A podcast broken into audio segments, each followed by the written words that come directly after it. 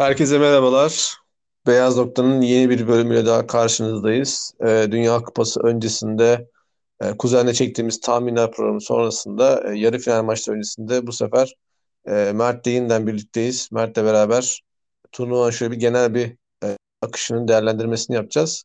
Ve aynı zamanda hani finalde kim olur takımlardan ve finalde kim kazanır şampiyonluk adayımız artık kim burada. Onları konuşacağız. Nasılsın Mert? Kemal selamlar. Uzun süredir Beyaz Nokta'da yoktum. Sinan'la programınızı keyifle dinledim ve burada olmayı da özledim. Güzel bir Dünya Kupası programı olur umuyorum.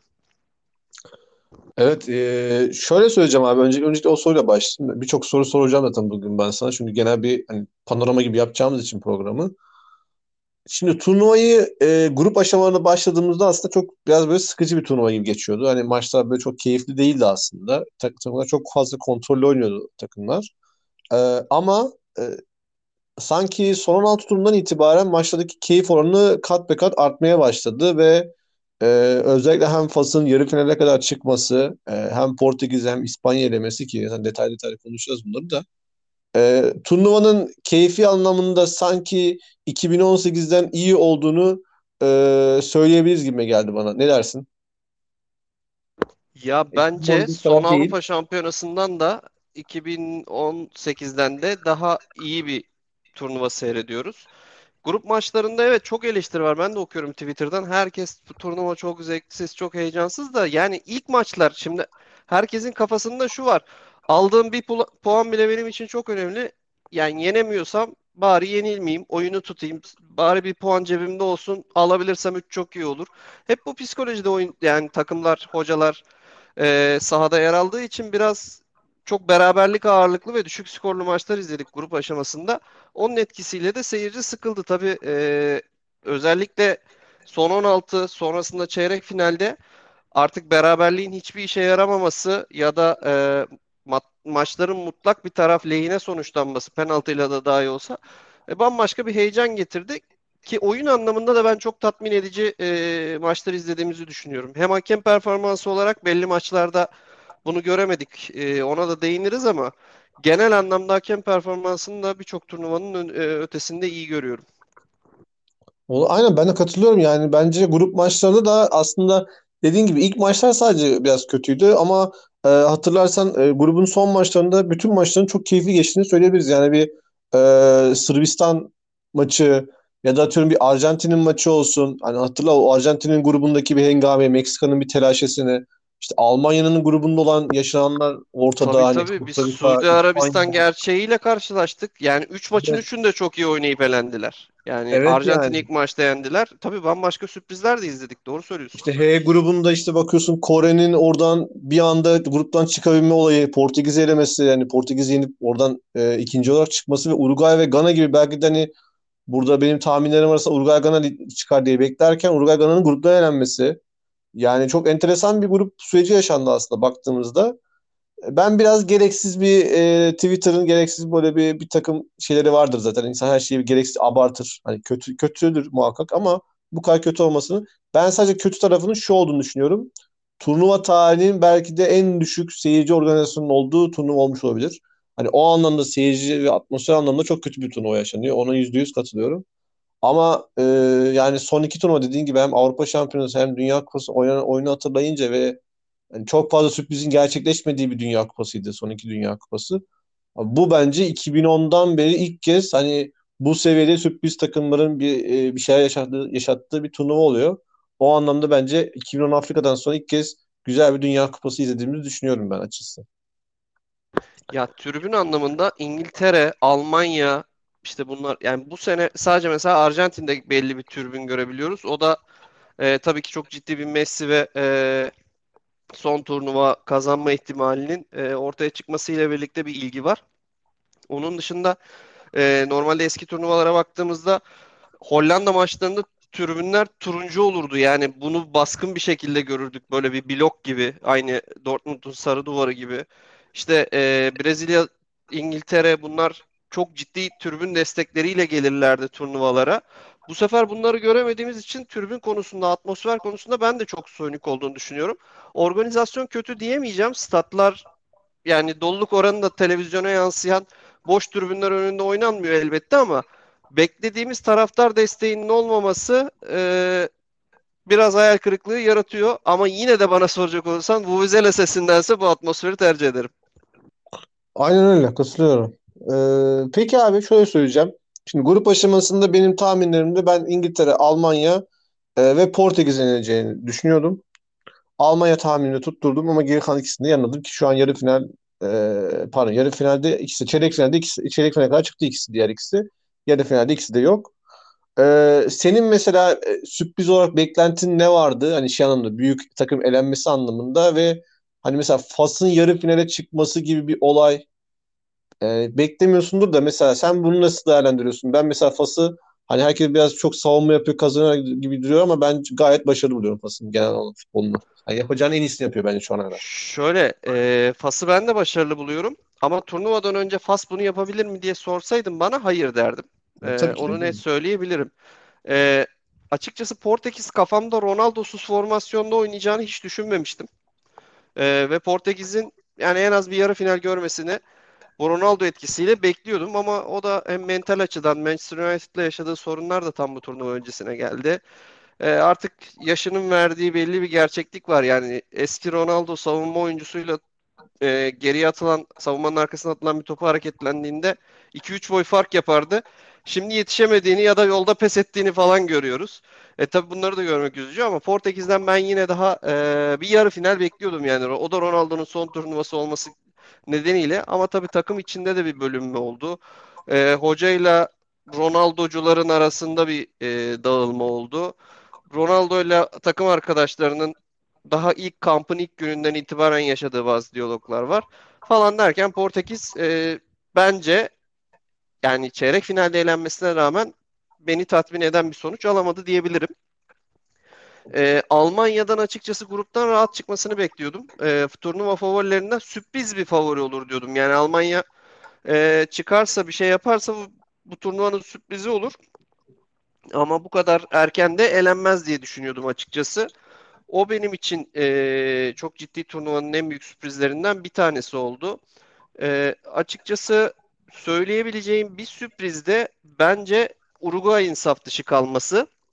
E, yani ben Uruguay'ın da çok kaliteli bir kadrosu olduğunu düşünüyorum. Hatta Uruguay'ın elenmesini de tamamen teknik direktör tercihlerine bağlıyorum. Yani o kadro çok daha verimli oynadı. Yani şu an yarı finalde oynayan e, Fas'la Uruguay kadrosu arasında bence inanılmaz büyük farklar var. Hem savunma anlamında hem merkez orta saha anlamında ya santrafor anlamında hiç söylemiyorum bile. Belki de dünya yani turnuvanın en iyi santraforları hücum hattına sahipler. Buna rağmen e, orada Portekiz Güney Kore'nin gruptan çıkması e, Uruguay'ın saf dışı kalması benim için çok büyük sürpriz oldu. E, yani turnuvanın en büyük sürprizi yine söylediğim gibi Suudi Arabistan'dı. Bence yani e, Arjantin'i yenerek başlamaları, sonuncu olmalarına rağmen 3 maçın 3'ünde de çok iyi oynamaları ve burada e, yani açıkçası şeye de e, son maçta Meksika'ya da iyi direndiler, iyi oynadılar yani oynamaya çalıştılar. E, bu da benim için turnuvanın sürprizlerinden bir tanesi oldu. Ama tabii ki e, takım bazında bakacaksak şu an e, yani Fas kadar büyük sükseli ve kimsenin öngöremediği bir sürpriz e, yok diyebilirim. Bire kesinlikle Fas'ı yazıyorum. İkiye e, Japonya'yı yazıyorum. Üçe de Suudi Arabistan'ı yazıyorum sürpriz olarak, e, performans olarak. Yani Japonya'nın da şimdi İspanya-Almanya grubunu lider tamamlaması da hayal edilebilir bir şey değildi. E, Japonya'nın iyi bir jenerasyon olduğunu, hazırlandığını vesaire biliyorduk, duyuyorduk ama Asya tabii çok gözümüzün önünde bir lig değil. E, takip konusunda bu kadar emin olamıyoruz ya da her maçını izleyerek oyuncuları bireysel anlamda tanıyarak takip edemiyoruz. E, o da yine e, bir sürpriz yarattı. Ve şöyle bir enteresan durum var. Japonya, Almanya ve İspanya'yı yeniyor. Costa Rica'ya yeniliyor grubunda. Bu da başlı başına e, yani hayal edilemeyecek e, bir skor tablosu oluşturdu.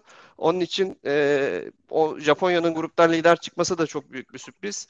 Üçü, üçe de kimsenin öngöremediği e, yine dediğim gibi Suudi Arabistan'ı yazıyorum. Ha şu da e, garip geliyor bana.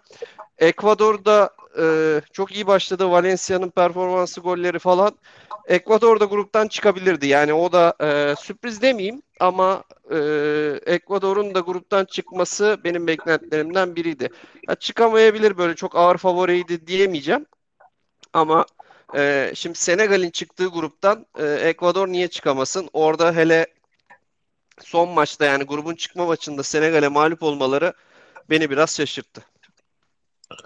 Ya mesela aslında o grupta da mesela e, Ekvador'un grubunda da ben mesela normalde Senegal'i bekliyordum ama e, burada turnuva öncesinde Mane'nin sakatlığı sonrası Ekvador'un bir tık daha e, önde olabileceğini düşündüm ama Senegal yine son anda son maçta yine bir şapkadan tavşan çıkartan gruptan çıktı ama maalesef İngiltere karşısında e, çok e, zayıf kaldılar ve İngiltere çok rahat bir şekilde galibiyet galibiyet aldı o maçta.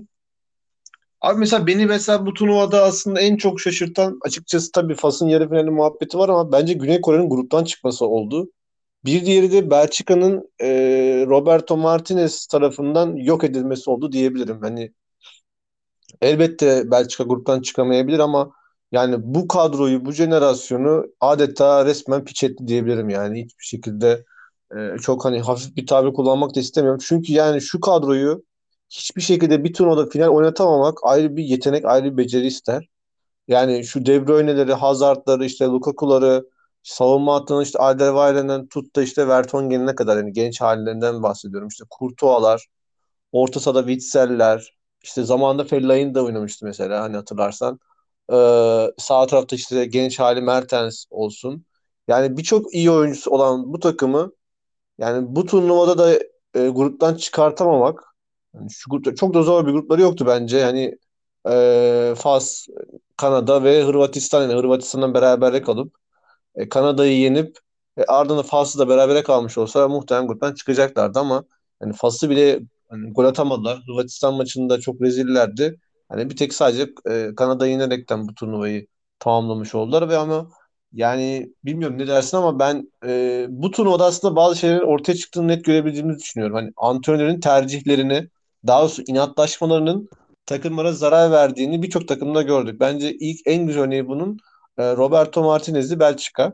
Ardından e, Uruguay ve bence bir diğeri de açıkçası her ne kadar belki bilmiyorum kabul eder misin de bence Almanya'da Hansi Flick'in de e, bu konuda çok fazla e, rotasyona gitmemesini ya da farklı tercihte bulunmamasını e, bunun e, sonucu olduğunu düşünüyorum. Mesela Arjantin'de Scaloni bu anlamda ilk maçtaki yaptığı hatayı bir daha yapmadı mesela. Hatırlarsın Alvarez'e başladı ondan sonra. Di Maria'yı da daha az oynatmaya başladı. Takımın orta sahasını değiştirdi. McAllister'ı oynatmaya başladı. Ama şey e, ne dersin? Diğer üç antrenör bu konuda çok daha e, katı davrandı ve bence katı davranmaların sonucunu ceza olarak da gruptan çıkamayarak da aldılar bence.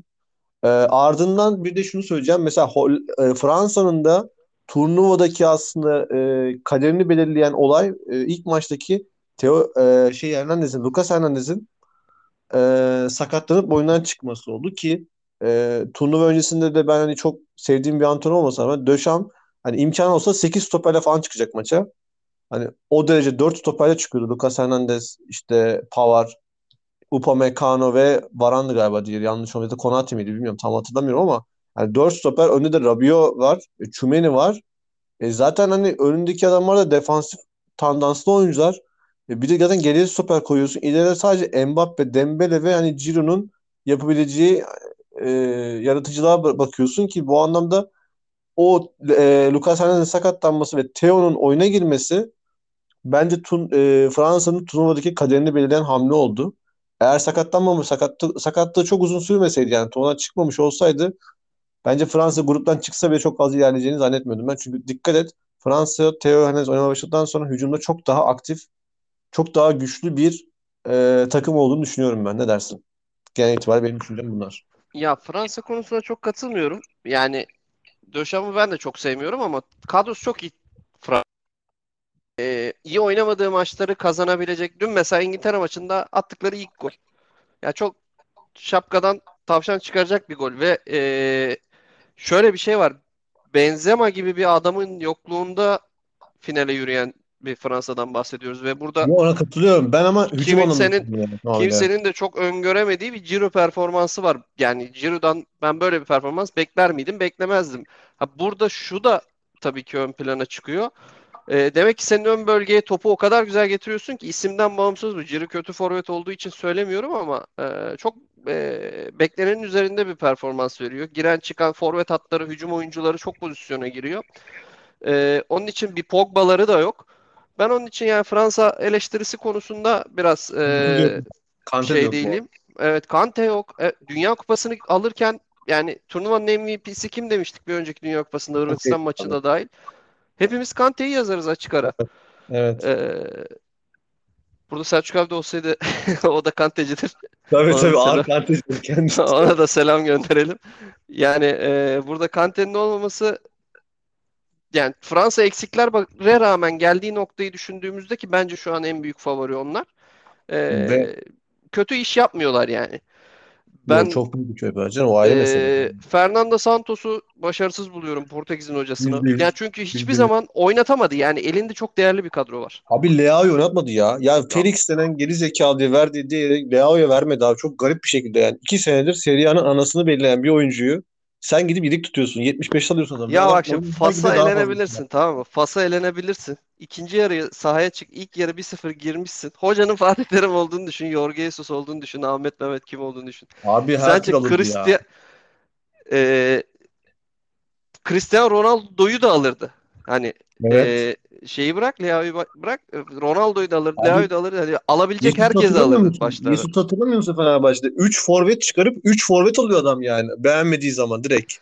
İleri hattı komple çıkarıp komple yenisini alıyor mesela bu adam. Yani hani Jorge Jesus Fenerbahçe yapıyorken Fernando Santos'un Portekiz gibi takımda daha büyük rotasyonu varken yani elinde çok fazla imkan varken bunu yapmaması yani bu antrenörlerin bu kadar inatları beni beni benden aldı bu turnuvalar hakikaten yani. Ya Kazanmak bak gibi geliyor bana yani böyle şeyler bir başarısız hoca planlaması yapacaksak e, ben yani zaten Luis Enrique de çok başarısızdı. Çok çok çok başarısızdı. Yani İspanya kadrosu da bakma yani o kadar kolay elenecek bir kadro değildi.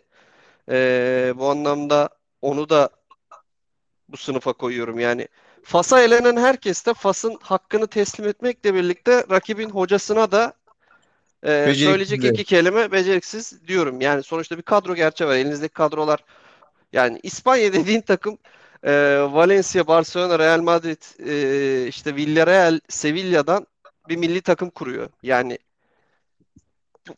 çok kafayı oynaman lazım. Yani bunların bahanesi yok. Biz Türkiye Bilmiyorum olarak gittiğimiz kupada e, gruptan çıkamayınca neler söylüyoruz kendi oyuncularımıza. Uluslararası oynayan 4 tane 5 tane oyuncumuz olmasına rağmen. E, yani bu açıdan Portekiz'in hocasını, Uruguay'ın hocasını, İspanya, Almanya bunlarda çok ciddi teknik direktör başarısızlıkları olduğunu düşünüyorum. Ee, oyuncu tercihlerinde çok büyük hatalar var. Özellikle Almanya'da işte seninle de yayından önce de konuştuk. Almanya'nın santraforu kim kimse bilmiyor yani tanımıyor. Değişik isimler oynuyor. Çok normal şeyler değil bunlar turnuva için. Ee, az önce hakkını teslim etmedik. Avustralya da büyük iş yaptı. Yani gruptan çıkmaları çok beklenecek bir şey değildi onların da. O anlamda Avustralya'nın da hakkını teslim edelim. Özellikle e, yani Fransa, Avusturya, Tunus, Danimarka şey e, Fransa, Avustralya, Tunus, e, Danimarka grubundan Avustralya çıkıyor. O anlamda Avustralya'nın da hakkını teslim etmek lazım. Orada Danimarka'nın saf dışı kalması da büyük sürpriz. Onların da iyi bir jenerasyonu var, iyi bir kadroları da var.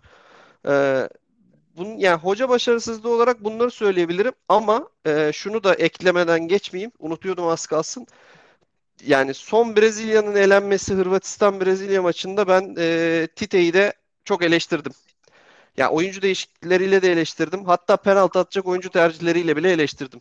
Ya ilk Yüzde yüz. penaltının niye ne, yani Ne- Neymar niye penaltı atmadı biliyor musun? Dört tane penaltı attın. Niye Neymar yok yani onların Neymar içinde? neden mesela 5'e düşünmüyor? 5'e saklıyorsun mesela. İlk penaltıyı at abi rahatla yani. Niye 5'e saklıyorsun ki? Bak 5'e kalmadın işte. Ne oldu? Rahat yani mutlu mu oldun şimdi böyle olunca? Ya e, bilmiyorum yani bir kere Brezilya'nın beki çok as- aksadı. Ya mesela ben e, artık oyunun çözülmesi gereken anlarda Dani Alves tam hani yaşlı abi olarak çağrılmasına rağmen sonradan bence oyuna girse Brezilya'nın ön bölgede pozisyona girme zorluğu çektiği anlarda fark yaratabileceğini düşünüyorum. Ya Danilo E, daha iyi oynayacağı kesin abi mesela orada.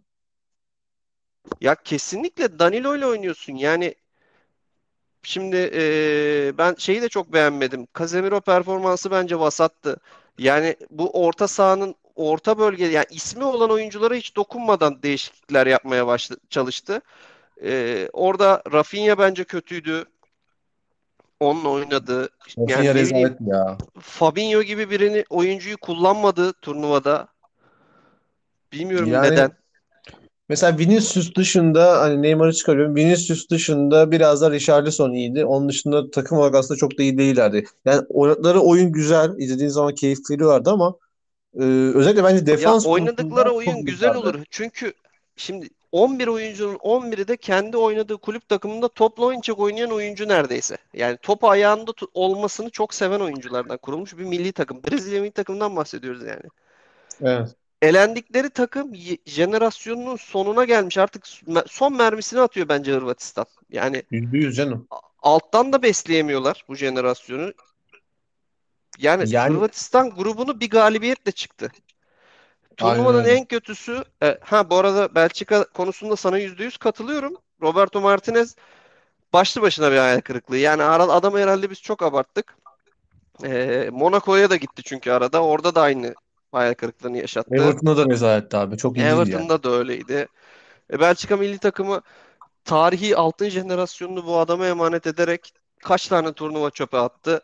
Yani ben Belçika'dan aslında turnuvanın başında da hiçbir şey beklemiyordum yani. Ya o kadar emindim artık. Çünkü yıllarca bekle bekle bekle bekle artık yetti dedim. Yani bu saate kadar olmadıysa bu oyuncuların en iştahlı zamanında olmadıysa Bu saatten sonra e, hiç bu saatten sonra da olmaz e, tadında yaklaştım ve öyle de oldu.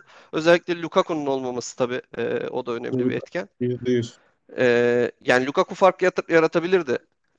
Yani bak mesela Belçika'da Lukaku olsa ve son maça Belçika öyle bir oyunla e, çıksaydı yani sana şunu söyleyeyim ki e, belki Hırvatistan gruptan çıkamayacaktı. Yani grupta çünkü Hırvatistan Fas'ı yenemedi.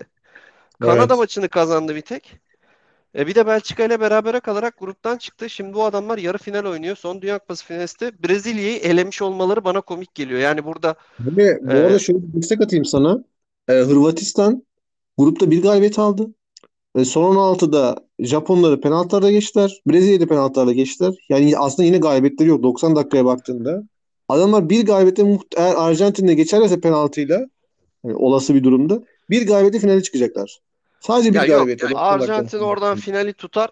Ya- Ya yoruldu da bence. da. Ekip de ekip de yoruldu bence. Bir de oyuncular da beklemiyor. Yani ha elendik derken Hırvatistan her seferinde bir, bir, bir, bir adım daha öteye gidiyor. Ama işte E, yani 90 dakikada bitirmen lazım Hırvatistan'ı. Yoksa iş uzatmaya kaldı Hırvatların şeyi daha çok artıyor bence. Direnci daha fazla kale artıyor. tabii iyi bir kaleci performansları da var bir de onu da tabii unutmamak Evet. lazım. Çok iyi bir kaleci Aynen performansı var. Ama yine de yani Hırvatistan maçını açıp bir daha izleyelim. Maçın ilk dakikasından son dakikasına kadar e, Hırvatistan topun arkasına geçti 11 kişi. Atılan uzun toplarda pozisyona girebilirse gol bulmaya çalıştı.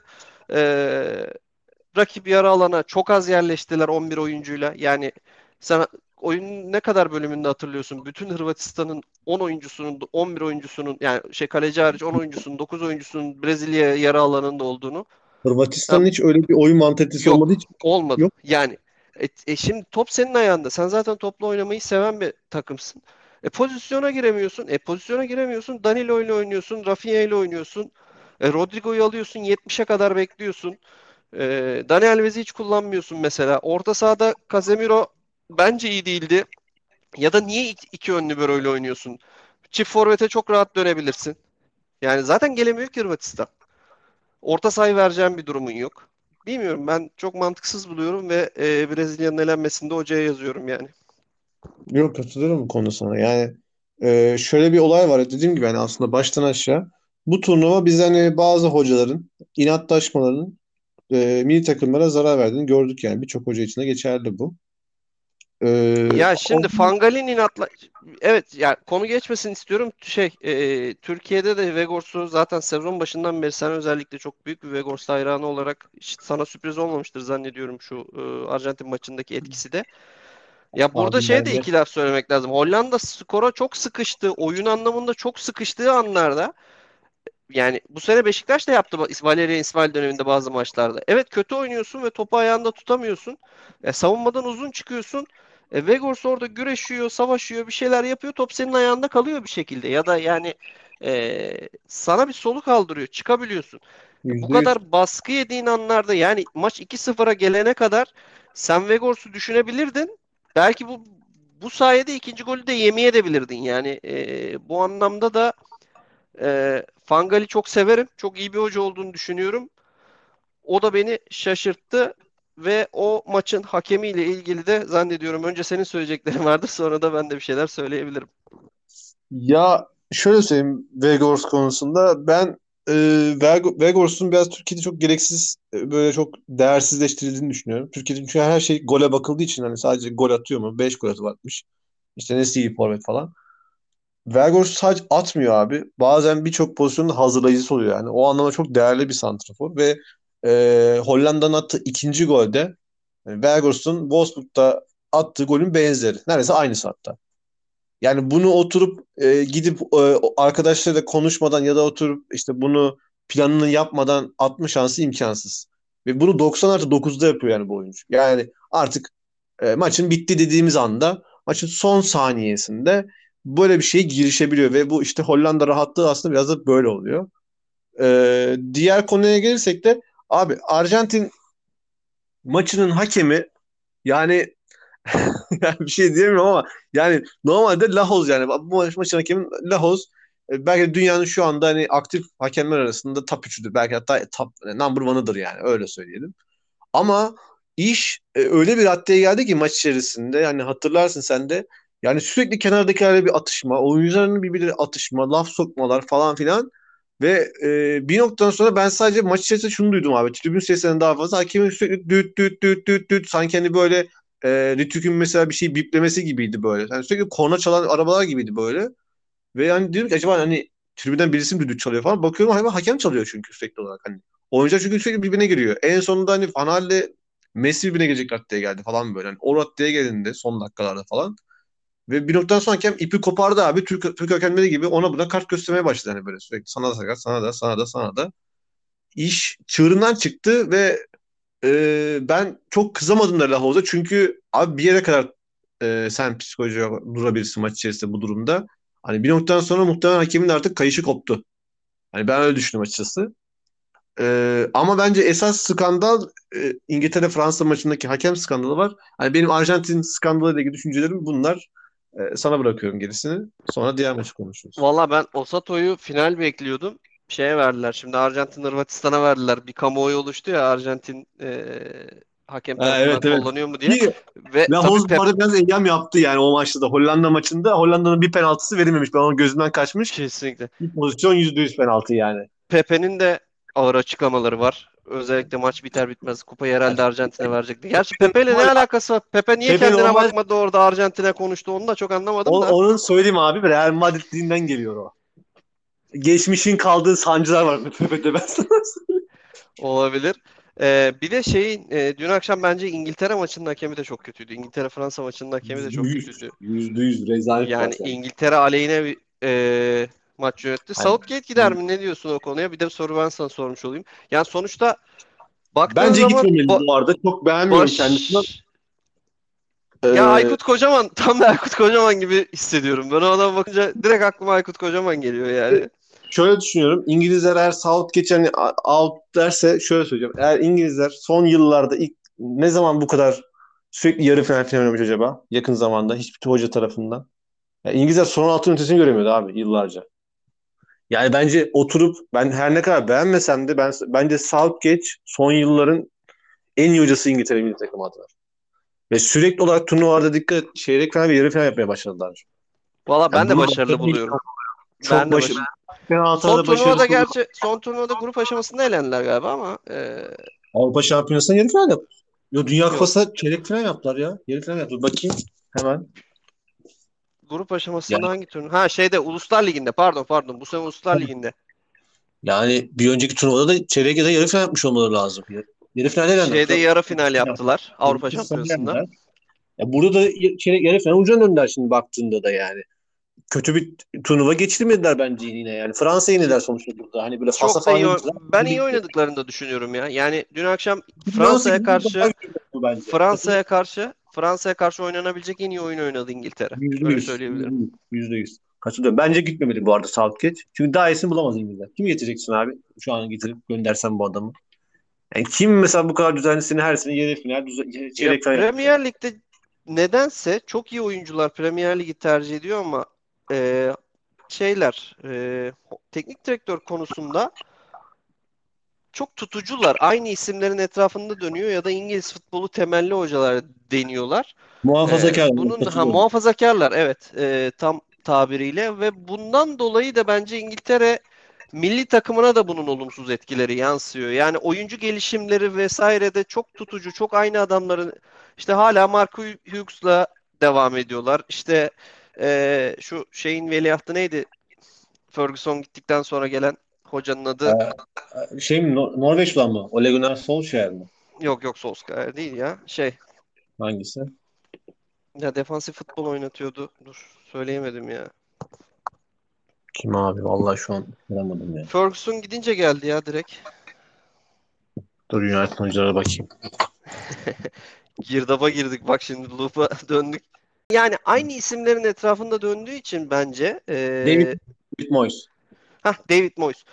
Kısır futbol oynatan işte eee, tam İngiliz futbolundan ödün vermeyen bu konuda çok eee, katı olan adamlarla iş yaptıkları için ya fark yaratacak hocalara işte mesela yani şeyi geç e, Jurgen Klopp ve Guardiola'yı ayrı tutuyorum. Onlar Manchester United ve Liverpool'un vizyonu ayrı seviyede olduğu için ama Evet. diğer bütün takımlarda e, İngiltere'nin genlerinde olan futbol oynatacak hocalar tercih ediliyor.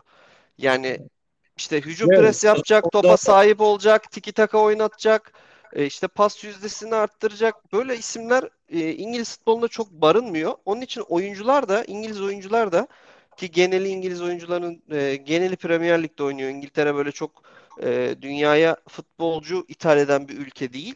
E, hep aynı futbolu oynamak zorunda kalıyorlar ve e, bununla birlikte de gelişimleri sınırlı kalıyor. Bence milli takımda yani e, çeşitliliğin olmamasının, fark yaratamamasının İngilizlerin en büyük temeli e, Premier Lig'in sürekli aynı kafada futbol oynayan hocalar tarafından e, koordine edilmesi.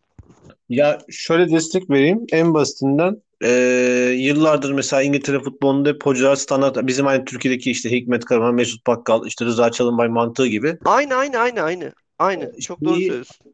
Eee Arteta'yı bile hatırla. Hani ben- ben de mesela çok başta neler neler söyledim. Hani Arteta bile ilk başta geldiğinde mesela şeydi yani böyle çok eleştirildi. Yok böyle olmayacak, yok şöyle olmayacak falan. Arteta mesela biraz Guardiola ekolünden geldiği için onun yaptıkları aslında şu an e, şeylere de e, takımlara da aslında biraz yavaş yavaş örnek olduğunu düşünüyorum. Mesela Wolves tamamıyla Portekiz mesela tam orası mesela Portekiz mantığı oldu.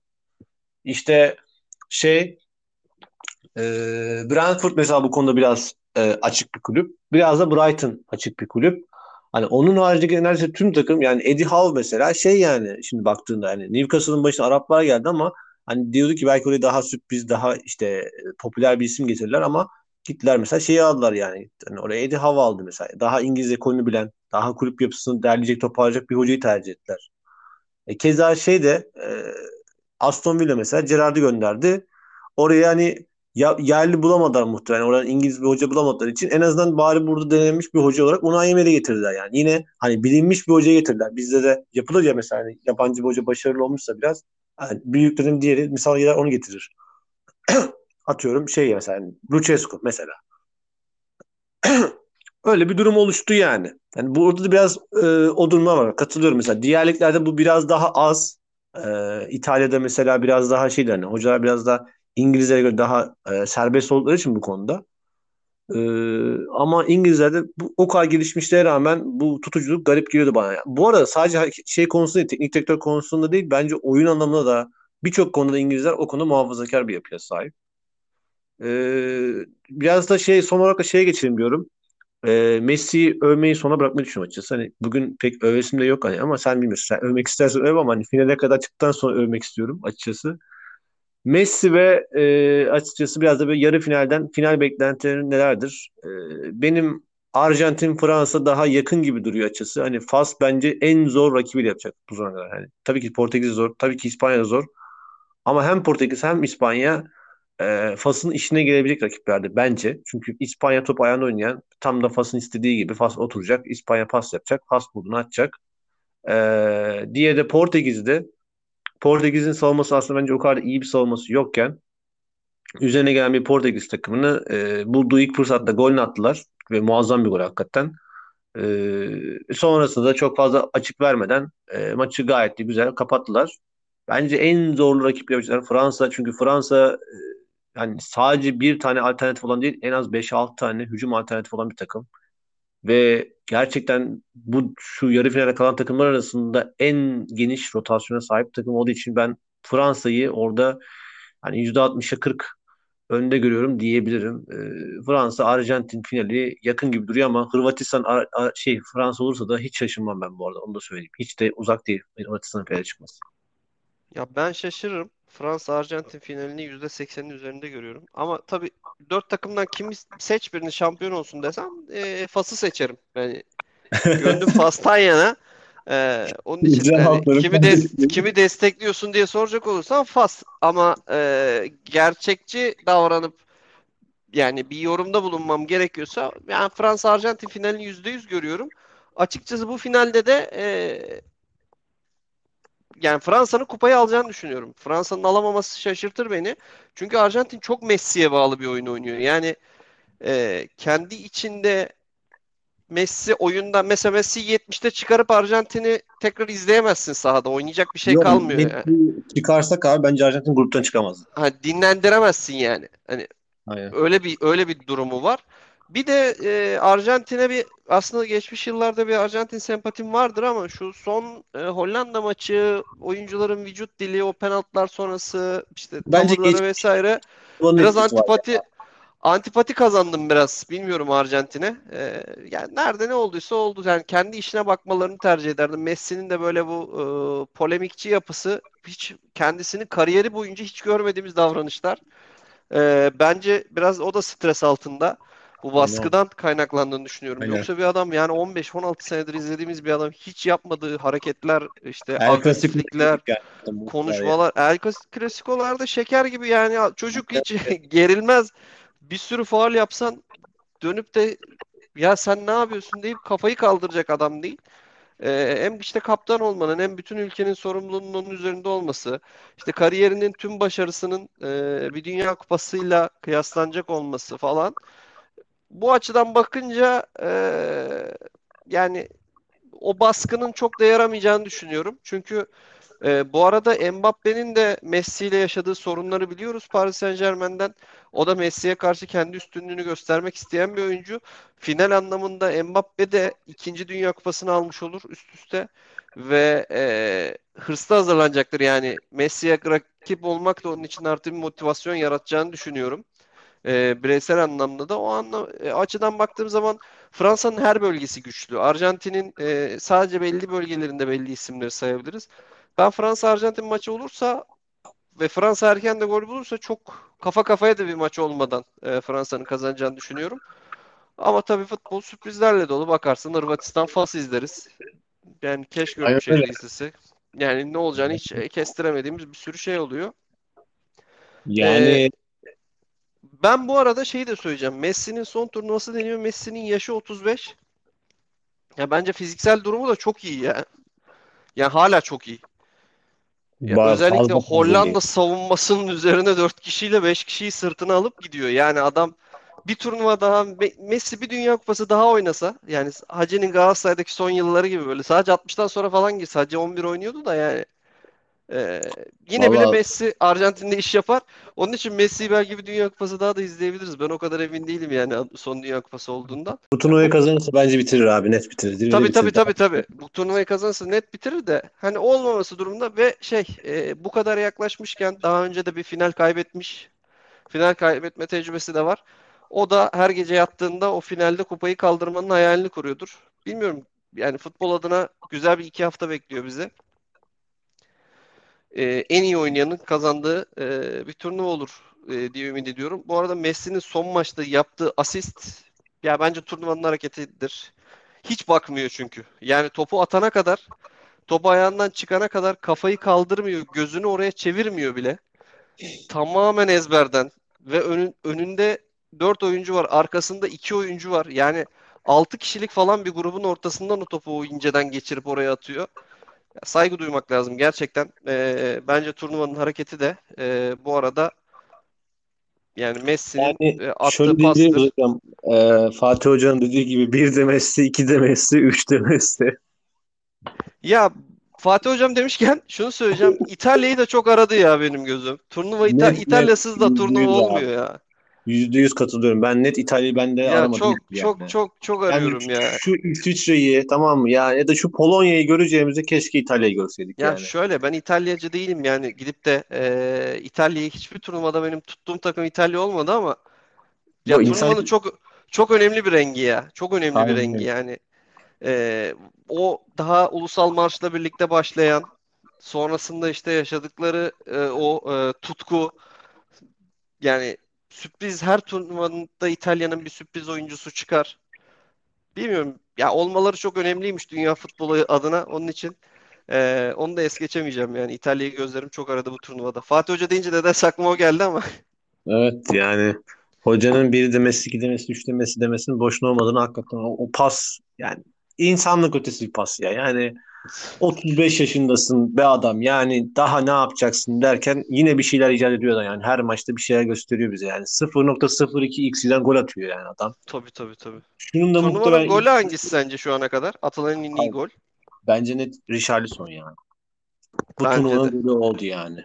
Hani bu turnuva deyince aklımıza muhtemelen Richarlison'un golü gelecek aklımıza. Daha belki Ya, bilmiyoruz. aynen aynen aynen. Bu turnuvanın jeneriklerinde hep o olacak. Bir de Messi'nin İki de Messi'nin bence. Ha, Weghorst da gelecek. Bir de Messi'nin e, şu Hangisi? e, ceza sahası ön çizgisi kenardan serbest vuruşu kullanıyor. Meksika maçı mıydı? Son maçı gruptan mi? çıktıkları maç. Köşeden mi attı gol? Yok yok ceza sahası ön çizgisinden tek vuruş plase yapıyor ya köşeye. Ha, ha, evet evet doğru. Tam kendi Messi vuruşu. Aynen aynen. Yani e, çok estetik gelmeyen ama Messi ile özdeşleşmiş e, bir Aynen. Vuruş. E, o Yani da bence yüzde turnuvanın gollerinden biri olur. Rakibi hatırlayamadım ama golü hatırlıyorum. O da o da bence güzel gol. Doğru diyorsun. Gerçi Ya var yani güzel goller de oldu. E, ben bu turnuvada şunu hatırlayacağım bu Ama arada. Richard şu an gol deyince aklıma benim de ilk e, Richarlison geldi. Yani bu turnuvada şunu söyleyebilirim. Ben kazanır mı kazanmaz mı bilemiyorum. Ama e, Mbappe Messi ile neredeyse aynı iştahla oynuyor. Hatta belki Messi'den daha fazla iştahla oynuyor olabilir yani. Ben Mbappe'nin normal Şampiyonlar Ligi maçlarında, normal lig maçlarında bu kadar iştahlı oynadığını hatırlamıyorum. Yani ben görmedim. İnanılmaz hazırlanmış. Full konsantre maç içerisinde. Hani inanılmaz derecede istiyor ve bu adam daha bir önceki Dünya Kupası'nı kazandı. Ve daha henüz yani çok genç bir yaşta şu anda. Ee, Ve eğer bu Dünya Kupası'nı kazanırsa iki Dünya Kupası birden kazanacak ki biz Messi ve Daha Ronaldo'nun kariyerinin başında. Evet abi ve önümüzde şöyle bir şansı da var Mbappe'nin hem Ronaldo hem Messi'ye göre. Öyle bir milli takımda oynuyor ki muhtemelen önümüzdeki 3 turnuvanın e, jenerasyonu hazır Fransa'nın şu anda. Hani 10 tane stoperi falan daha şu an hazır duruyor. 10 tane orta sahası vardır. 10 tane forveti vardır şu an çıkaracak olsa. Çıkartır yani Fransa. Öyle bir Ve bir havuzu daha hiçbir turnuvada Messi Ronaldo rakibi olmayacak. Evet. Yani en zor rakibi Haaland desen o da sürekli olarak hani çok Yok. Turnuvaya kat- bir firma değil. katılsa da öyle bir ülkede değil. Amiral Evet gemide yani. değil. Çok büyük bir art- artısı var. Hani o anlamda belki de dünya futbolunun en fazla dünya kupası kazanan futbolcusu olabilir. Yani Ya öyle bir şey olabilir ihtimali ben var. işte o da var şeyi de eee, şu enerjiyi şeye bağlıyorum biraz da. Bu Paris Saint-Germain'de ben tek olmalıyım. Neymar'ı Messi'yi gönderin. Takımı benim üzerime kurun. Evet. Anlaşmaları var ya. Hani Evet, evet. e, basına yansıyan spekülasyonlar. E, ben onun da bir başkaldırısı olduğunu düşünüyorum. Yani buradan Olabilir. Kendini daha güçlü tabii tabii hani Messi mi ben mi noktasında Evet. da o da kafasında o yarışı yaşıyordur. Final olursa onun için final kolay olmaz. Ve ne yani. Mbappe'nin ayakları inanılmaz çabuk. Yani kayboluyor. Orta Fiziği de çok atılırken ceza sahası ön çizgisinde geliyor topa vuruyor. Kaleciyle stoperlerin arasına sızabiliyor. Yaş olarak tabii getirdiği enerji e, boylu, fizikli, atletik bilmiyorum yani Şu an e, turnuvanın MVP'sinde şu an herkesin gözü e, Messi'de. Çünkü şöyle bir şey var. E, Messi çıkarırsa gerçekten Sıfır. Arjantin milli takımı çöker. Ama Mbappe'yi çıkarıp Fransa milli takımı işte Griez, Griezmann'ı sola atıp ortaya birini alsa ya da oraya başka bir oyuncu koysa Ki koyar yani muhakkak. ki koyar. Koman Çok rahat. Sayma, yani saymadım şimdi kadroyu da açıp baksam Koman'ı ben sol 4 kanada koyarsın. Koman'ı sol kanada Aynen öyle.